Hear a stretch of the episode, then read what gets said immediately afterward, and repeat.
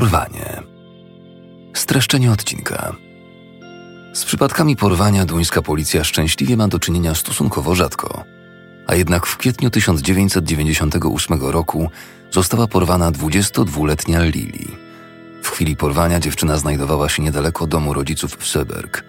Sprawa Lili uważana jest w Danii za pierwszy przypadek prawdziwego porwania. Słuchasz jednego z odcinków z zimną krwią. Skandynawskie zbrodnie, które wydarzyły się naprawdę, czyli serii podcastów o prawdziwych zbrodniach w Skandynawii.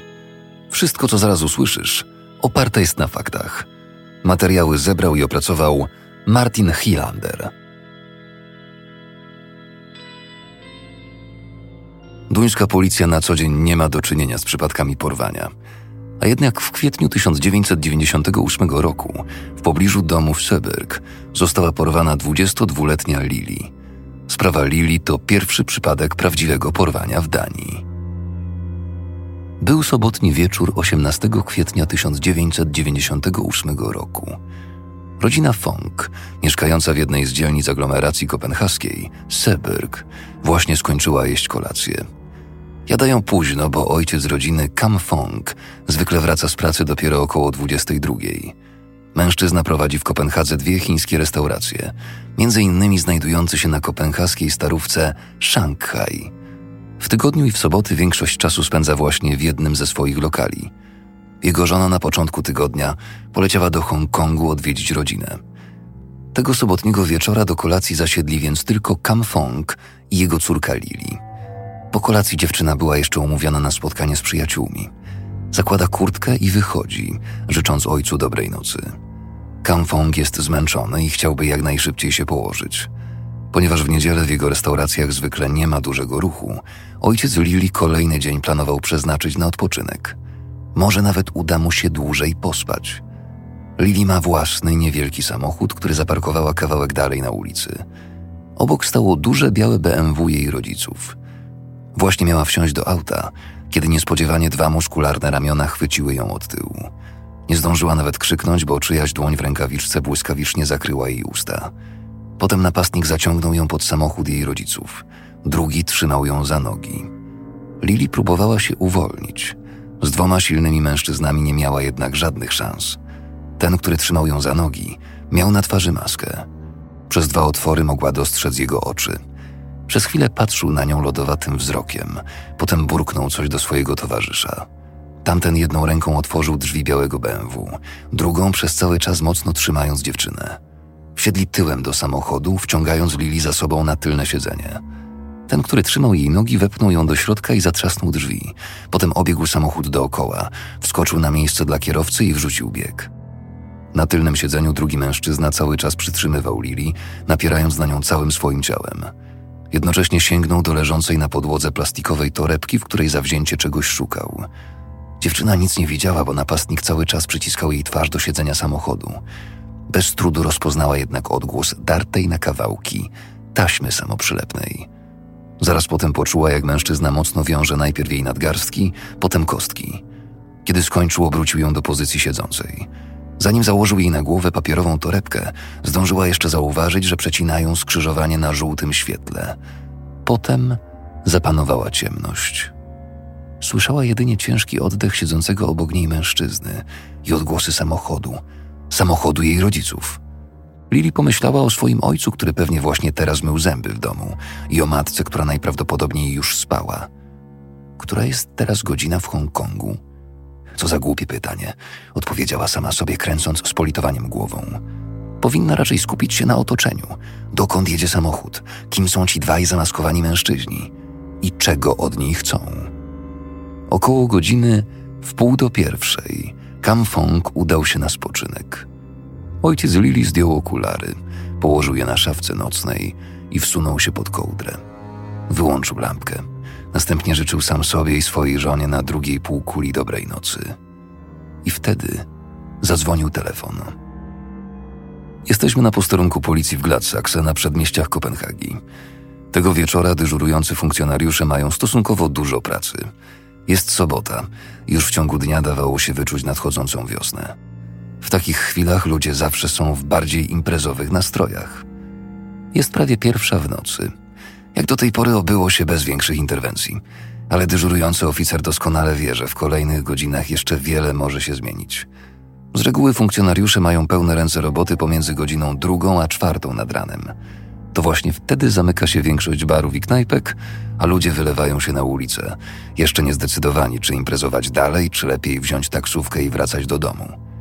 Dokładnie o godzinie pierwszej na posterunek wszedł mężczyzna w wieku około 55 lat. Chińczyk.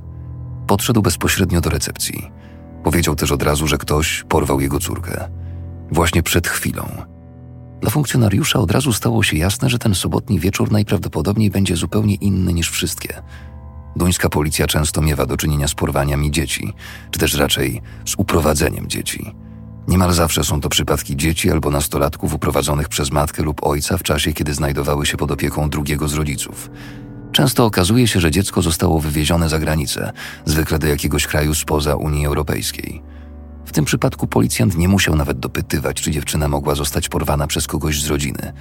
Zgłaszający sam poinformował, że chwilę wcześniej zadzwonił do niego jakiś mężczyzna z żądaniem okupu za uwolnienie 22-letniej Lili.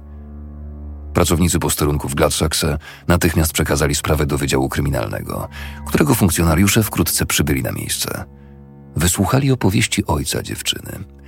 W sobotę po późnej kolacji mieszkająca jeszcze z rodzicami Lili wyszła z domu, by spotkać się z przyjaciółmi. Ojciec położył się dopiero po północy, a za pięć w pół do drugiej z łóżka wyrwał go dźwięk telefonu. Mówiący po duńsku mężczyzna poinformował go, że ma Lili i żąda za jej uwolnienie 500 tysięcy koron, około 320 tysięcy złotych. Przekazanie pieniędzy miało nastąpić w poniedziałek. Porywacz uprzedził Kamafonga, by ten nie zgłaszał sprawy na policję. Powiedział też, że zadzwoni jeszcze raz, żeby ustalić szczegóły przekazania okupu. Pomimo ostrzeżenia ze strony porywacza, ojciec Lili postanowił pójść na policję. Rzecz jasna, funkcjonariusze nie mogli dopuścić, by sprawcy się o tym dowiedzieli. Dlatego postanowiono, że żadne informacje na temat porwania nie mogą przedostać się na zewnątrz. Jeszcze tej samej nocy policja wysłała jednego z pracowników do domu rodziny w Söberg. Wykonano niezbędne czynności techniczne w celu umożliwienia podsłuchania rozmów z telefonu stacjonarnego rodziny, komórki ojca oraz komórki porwanej dziewczyny. Ustalono, że telefon Lili jest wyłączony. Jej miejsca pobytu nie da się namierzyć. Jedynym tropem, który policja mogła zbadać, było w tym momencie skradzione białe BMW. Samochód był poszukiwany w całym kraju. Już o szóstej rano w niedzielę jeden z patroli natknął się na niego w północno-zachodniej części Kopenhagi. Znajdował się zaledwie kilka kilometrów od ulicy Lili w Söberg i jedynie 100 metrów od posterunku policji numer 3. Policjanci nie podeszli do samochodu, a jedynie obserwowali go z nieoznakowanego radiowozu. Przy odrobinie szczęścia porywacze powinni po niego wrócić. Kiedy jednak wreszcie ktoś podszedł i otworzył zaparkowany samochód, okazało się, że to tylko jeden z członków rodziny. Mężczyzna z dumą zawiadomił policję, że odnalazł samochód. Nie mając już nadziei, że porywacze wrócą do skradzionego auta, funkcjonariusze porzucają ten trop. BMW ma teraz zostać odholowane do laboratorium kryminalistycznego i tam przebadane pod kątem odcisków palców i innych pozostawionych przez sprawców śladów. Była nadzieja, że na podstawie stanu licznika samochodu uda się odtworzyć trasę przejazdu porywaczy. Niestety, wewnątrz technicy znaleźli tylko odciski osób z najbliższej rodziny. Stan licznika też na nic się nie przydał, bo nikt z rodziny nie potrafił przypomnieć sobie ostatniego przebiegu sprzed porwania. Technicy ujawnili jednak w samochodzie kawałek papieru z zapisanym imieniem Max i numerem telefonu komórkowego. W domu w Seberg Kam Fong czekał na telefon od porywaczy, którzy zgodnie z zapowiedzią mieli skontaktować się z nim ponownie. Przez całą niedzielę telefon milczał.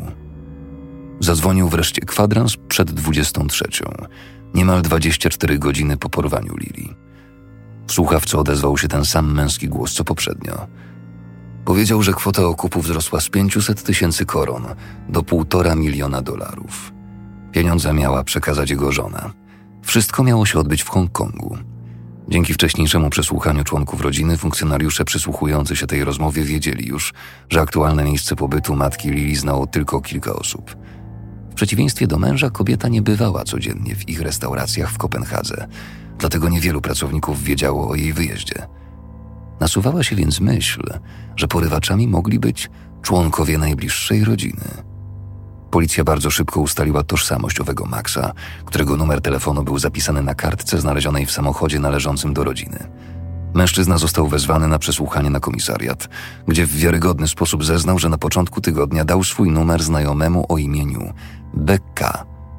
Kiedy policjanci pokazali mu kartkę z jego imieniem i numerem telefonu, Max od razu ją rozpoznał. Potwierdził, że to właśnie tę kartkę wręczył Beka. Policja nie wyklucza, że kartka została celowo pozostawiona w aucie. Istniała możliwość, że porywacze podrzucili ją tam, chcąc zmylić funkcjonariuszy. Niemniej jednak postanowiono skontaktować się z owym Beka. Przygotowano specjalny plan, żeby Beka nie domyślił się, że jest obserwowany przez policję. Numer telefonu mężczyzny ustalono bez problemu. Telefon z kartą prepaid miał zagwarantować anonimowość połączenia.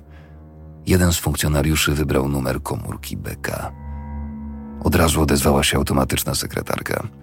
Funkcjonariusz zostawił wiadomość, przedstawiając się wymyślonym imieniem i nazwiskiem oraz prosząc Beka o kontakt. Wkrótce potem Beka rzeczywiście oddzwonił. Podczas rozmowy nie wydawało się, żeby nabrał jakichkolwiek podejrzeń. Usilnie dopytywał przy tym, czy jest Roni albo Chińczyk.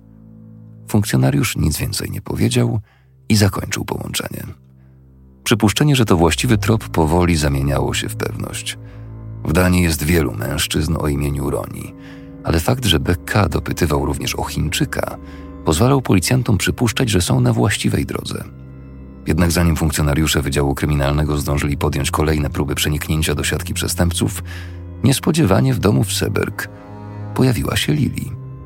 Dziewczyna była w ciężkim szoku. Powiedziała, że porywacze wypuścili ją pod groźbą użycia przemocy. Musiała obiecać, że doprowadzi do przekazania okupu, którego kwota zmniejszyła się w międzyczasie do 400 tysięcy koron. W następny weekend miała zanieść pieniądze do hotelu Radisson w dzielnicy Amager. Dokładniej mówiąc, miała to zrobić w nocy z soboty 25 kwietnia na niedzielę 26 kwietnia. Porywacze poinstruowali ją, że ma zameldować się w zarezerwowanym wcześniej pokoju jako Tai Chi Pei i tam zostawić pieniądze. Taki rozwój wydarzeń zaskoczył funkcjonariuszy. Czy porywacze naprawdę myślą, że Lili i jej rodzina zapłacą okup teraz, kiedy dziewczyna jest już na wolności? Tak czy inaczej, uznano to za zbyt niebezpieczne, żeby Lili miała spełnić ich żądanie. Zamiast tego zdecydowano się poddać obserwacji cały hotel oraz piętro, na którym znajduje się wskazany pokój. Policjanci nie natknęli się jednak na żadne podejrzane wskazówki w związku z hotelem ani w tygodniu poprzedzającym wskazany weekend, ani w noc przekazania okupu. Na krótko przed godziną pierwszą, w noc przekazania okupu, zadzwonił telefon ojca Lili.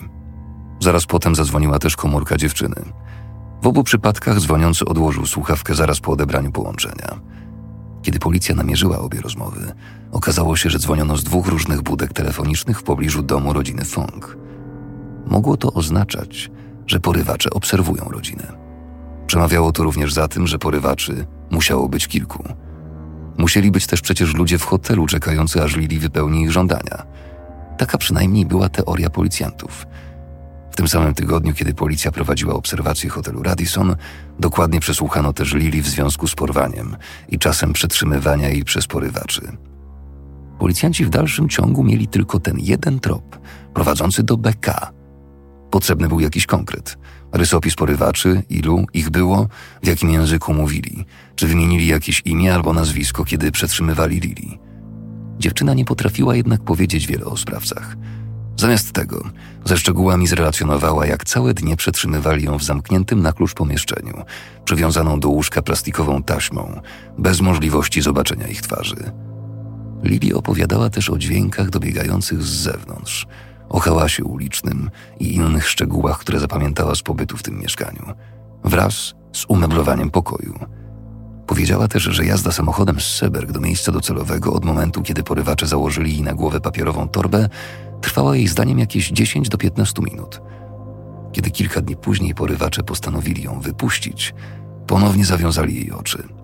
Lili była jednak pewna, że wieźli ją taksówką z silnikiem diesla. Pamięta też, że w samochodzie okropnie śmierdziało psimi odchodami.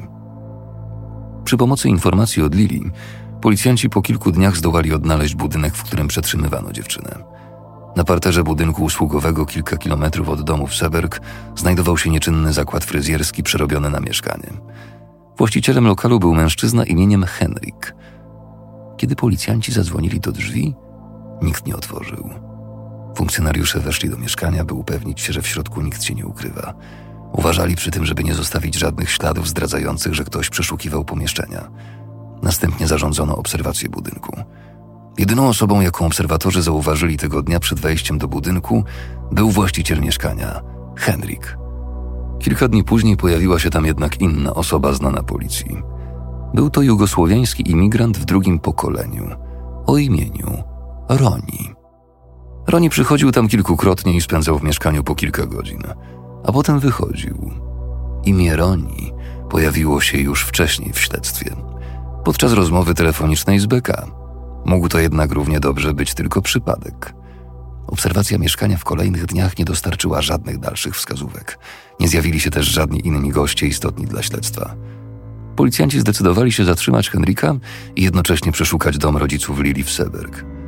Choć funkcjonariusze byli przekonani, że znaleźli miejsce pobytu porywaczy, potrzebne były twarde dowody. Sporządzono plan dalszego postępowania. Lili powiedziała, że podczas pobytu w mieszkaniu celowo zostawiła odcisk swojego palca na jednej ze ścian pokoju. Podczas przeszukania mieszkania policjanci szybko odnaleźli kilka odcisków palców. Znajdowały się na ścianie nad łóżkiem. Jeszcze tego samego popołudnia technicy z Wydziału Kryminalnego potwierdzili, że odciski należały do Lili. Po zatrzymaniu Henryk najpierw powiedział funkcjonariuszom, że w kwietniu na tydzień wynajął swoje mieszkanie. Najemcą miał być Chińczyk, który szukał odpowiedniego miejsca do odbycia negocjacji. Uzgodnili czynsz w wysokości 20 tysięcy koron, 12 700 złotych. Policjanci powątpiewali w prawdziwość takiego wyjaśnienia, bo kwota była stosunkowo wysoka za taki pokój. Tego samego popołudnia Roni został przewieziony na posterunek w celu przesłuchania. Przyznał, że od kilku lat obraca się w środowisku chińskich gangów i brał udział w szeregu napadów rabunkowych oraz próbach szantażu wymierzonych przeciwko obywatelom pochodzenia chińskiego. Wśród popełnionych przez niego przestępstw, do których przyznał się podczas pierwszego przesłuchania, był napad rabunkowy w domu pewnej rodziny w Walbi, nieudana próba porwania, również w Walbi, kolejny napad rabunkowy w domu innej rodziny, tym razem w Wirum, a wreszcie udział w przygotowaniach do porwania Lili. Każdym przypadku były to przestępstwa wymierzone przeciwko chińskim rodzinom. Wśród osób, które według Roniego uczestniczyły w napadach rabunkowych, był również Henryk oraz kilku wymienionych z nazwiska Chińczyków, w tym jeden o imieniu Wen. Przyznanie się Roniego ułatwiło policji wywieranie nacisku na Henryka. Wreszcie i on przyznał się, że brał udział w planowaniu porwania, do którego doszło w kwietniu, a także w wielu innych napadach rabunkowych w przeszłości. 14 maja zarówno Henryk, jak i Roni zostali umieszczeni w areszcie na cztery tygodnie. Kolejni podejrzani, których zatrzymano, to Beka i Wen. Obaj zaprzeczyli, żeby mieli coś wspólnego z porwaniem Lili, choć Beka przyznał, że kartka z numerem telefonu Maxa należała do niego. Nie potrafił jednak wytłumaczyć, jak ta kartka znalazła się w BMW należącym do rodziny Fong, którym Lili została przewieziona do mieszkania Henryka w dawnym zakładzie fryzjerskim. Pan Wen miał natomiast alibi na wieczór przestępstwa. Potwierdzono bowiem, że tej kwietniowej soboty był w kasynie. Ponieważ kasyna mają obowiązek rejestracji gości, należało uznać wiarygodność jego alibi. Podczas przeszukania jego mieszkania w kopenhaskiej dzielnicy Walbi, funkcjonariusze Wydziału Kryminalnego natrafili na parę kajdanek, co do których pan Wen nie był w stanie udzielić żadnych wyjaśnień. Uznano, że ujawnienie kajdanek należy w tym przypadku potraktować jako tak zwaną okoliczność obciążającą, wystarczającą do uzasadnienia podejrzenia. Zarówno pan Wen, jak i BK przebywają obecnie w areszcie. W toku dotychczasowego śledztwa na jaw wyszły w międzyczasie nazwiska wielu osób, które w ciągu ostatniego miesiąca kontaktowały się z Ronim, BK i innymi aresztowanymi. Były to osoby różnych narodowości: Chińczycy, Jugosłowianie, mężczyzna nazwiskiem IH, kierowca taksówki pochodzenia arabskiego nazwiskiem Zakaria i rzecz jasna także obywatel Danii, Henryk. W sumie na przesłuchanie wezwano około 20 osób. Większość z nich w ogóle nie chciała rozmawiać z policją. Gotowość do współpracy wykazywał jedynie Jugosłowianin Roni, a miał dużo ciekawych rzeczy do powiedzenia. Między innymi o wielu niewyjaśnionych dotychczas napadach rabunkowych i włamaniach w Kopenhadze, do których doszło w latach 1997-1998, a które przy jego pomocy zostały teraz rozwiązane. Roni był chętny do współpracy przede wszystkim dlatego, że figurował już w policyjnej bazie danych, a dobrze wiedział, że współpraca może przyłożyć się na łagodniejszy wymiar kary. Teraz jednak funkcjonariusze stanęli przed kluczowym problemem. Musieli dowiedzieć się, którzy z licznych uczestników zaplanowali i przeprowadzili porwanie Lili. Od operatorów telekomunikacyjnych uzyskano wykazy szczegółowych połączeń z telefonów mężczyzn mających powiązania z panem Wenem. Następnie policjanci sprawdzili, kto z licznych podejrzanych z kim się kontaktował w dniach bezpośrednio przed porwaniem. Równolegle z szeregiem przesłuchań podejrzanych w sprawie funkcjonariusze sprawdzali też trop związany z hotelem Radisson. Weryfikacja hotelowego systemu rezerwacji wykazała, że pokój, w którym zgodnie z instrukcjami porywaczy miała zameldować się Lili, zarezerwowano przy użyciu karty Visa, należącej do pewnego japońskiego turysty. Podjęto próby skontaktowania się z nim. Zanim jednak zwrócono się w tej sprawie do władz japońskich, operator kart kredytowych zdążył poinformować, że na krótko przed dokonaniem rezerwacji wpłynęło zgłoszenie kradzieży tej właśnie karty. Turysta był więc najprawdopodobniej tylko przypadkową ofiarą. Przy pomocy hotelowego systemu rezerwacji udało się ponadto ustalić, że rezerwacji pokoju, w którym miało nastąpić przekazanie okupu, dokonała pracownica hotelu Tami Najim. Pokój nie został zarezerwowany na nazwisko japońskiego turysty, co było dość nietypowe. Jeszcze bardziej osobliwy był fakt, że numer telefonu komórkowego recepcjonistki wielokrotnie pojawiał się w wykazach szczegółowych połączeń, które funkcjonariusze otrzymali dla numerów podejrzanych. W połowie kwietnia taksówkarz Zakaria wielokrotnie rozmawiał z Tami na Jim przez telefon. Policjanci odkryli też powiązanie pomiędzy recepcjonistką hotelu a głównym świadkiem Ronim. Mimo, że funkcjonariusze byli w posiadaniu szeregu wskazówek i częściowego przyznania się do winy, Chińczycy w dalszym ciągu nie chcieli mówić. Wzajemne oskarżenia, przerzucane pomiędzy sobą przez Roniego, Henryka i kierowcę taksówki oraz mężczyznę nazwiskiem Iha, wskazywały, że za całą sprawą stał pan Wen i że to on był właściwym inicjatorem porwania. Policjanci mieli trudności z uzyskaniem jasnego oglądu sytuacji na podstawie sprzecznych informacji licznych podejrzanych, a milczenie Chińczyków też niczego nie ułatwiało. Materiał dowodowy był jednak wystarczający do wniesienia aktu oskarżenia i rozpoczęcia rozprawy sądowej. Jeszcze przed wszczęciem właściwego postępowania przed sądem krajowym, policjanci zdołali nakłonić Henryka i Roniego do całkowitego przyznania się do winy. Zostali oni skazani odpowiednio na 5 i 6 lat pozbawienia wolności. Główny sprawca, pan Wen, został skazany na karę 7 lat więzienia za przygotowanie i przeprowadzenie porwania, mimo że do zakończenia rozprawy konsekwentnie odmawiał składania wyjaśnień. IH oraz BK zostali skazani odpowiednio na 2 i 4 lata pozbawienia wolności za współudział w przestępstwie, choć oni również odmówili udzielenia zarówno policji, jak i sędziom informacji na temat ich roli w całej sprawie. Jedyną osobą, która podczas rozprawy nie usłyszała wyroku skazującego, był taksówkarz Zakaria. Sędziowie i przysięgli uznali bowiem, że przedłożone dowody, jakoby rzeczywiście brał udział w porwaniu, są niewystarczające. Policjanci absolutnie nie zgadzali się z uniewinnieniem Zakarii. Podczas przesłuchań w toku śledztwa prowadzący sprawę funkcjonariusze byli przekonani, że musiał on odgrywać kluczową rolę w porwaniu. Dodatkowym problemem był fakt, że adwokat taksówkarza po uniewinnieniu jego klienta domagał się odszkodowania w wysokości 500 tysięcy koron za niesłuszne pozbawienie wolności. Sprawa nie była jednak jeszcze zamknięta. Po ogłoszeniu wyroków wskazujących policja w dalszym ciągu pozostawała w kontakcie z Lili i jej rodziną. Ponieważ główni sprawcy przebywali w zamknięciu, Lili poczuła się wystarczająco bezpiecznie, by przyznać, że taksówkarz rzeczywiście był jednym z porywaczy.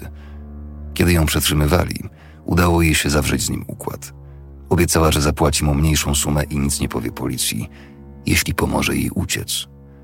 Niedługo potem została wyprowadzona z mieszkania z zawiązanymi oczami i odwieziona. Potem jednak taksówkarz już się z nią nie kontaktował.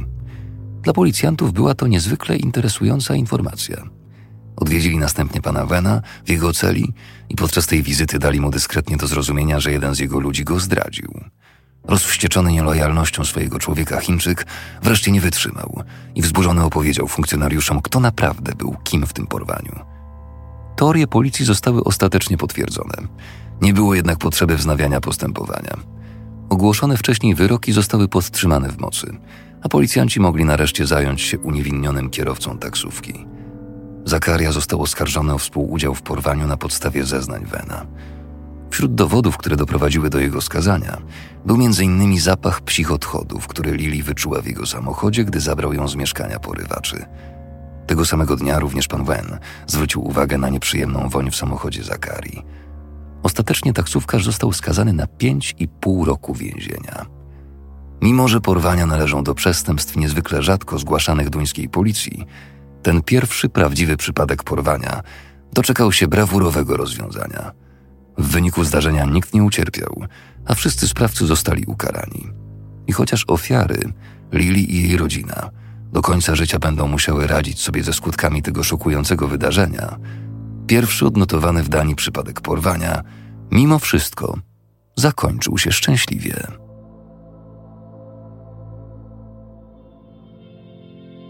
Wersja polska, tłumaczenie i realizacja nagrań Roboto Sound. Czytał Filip Kosior.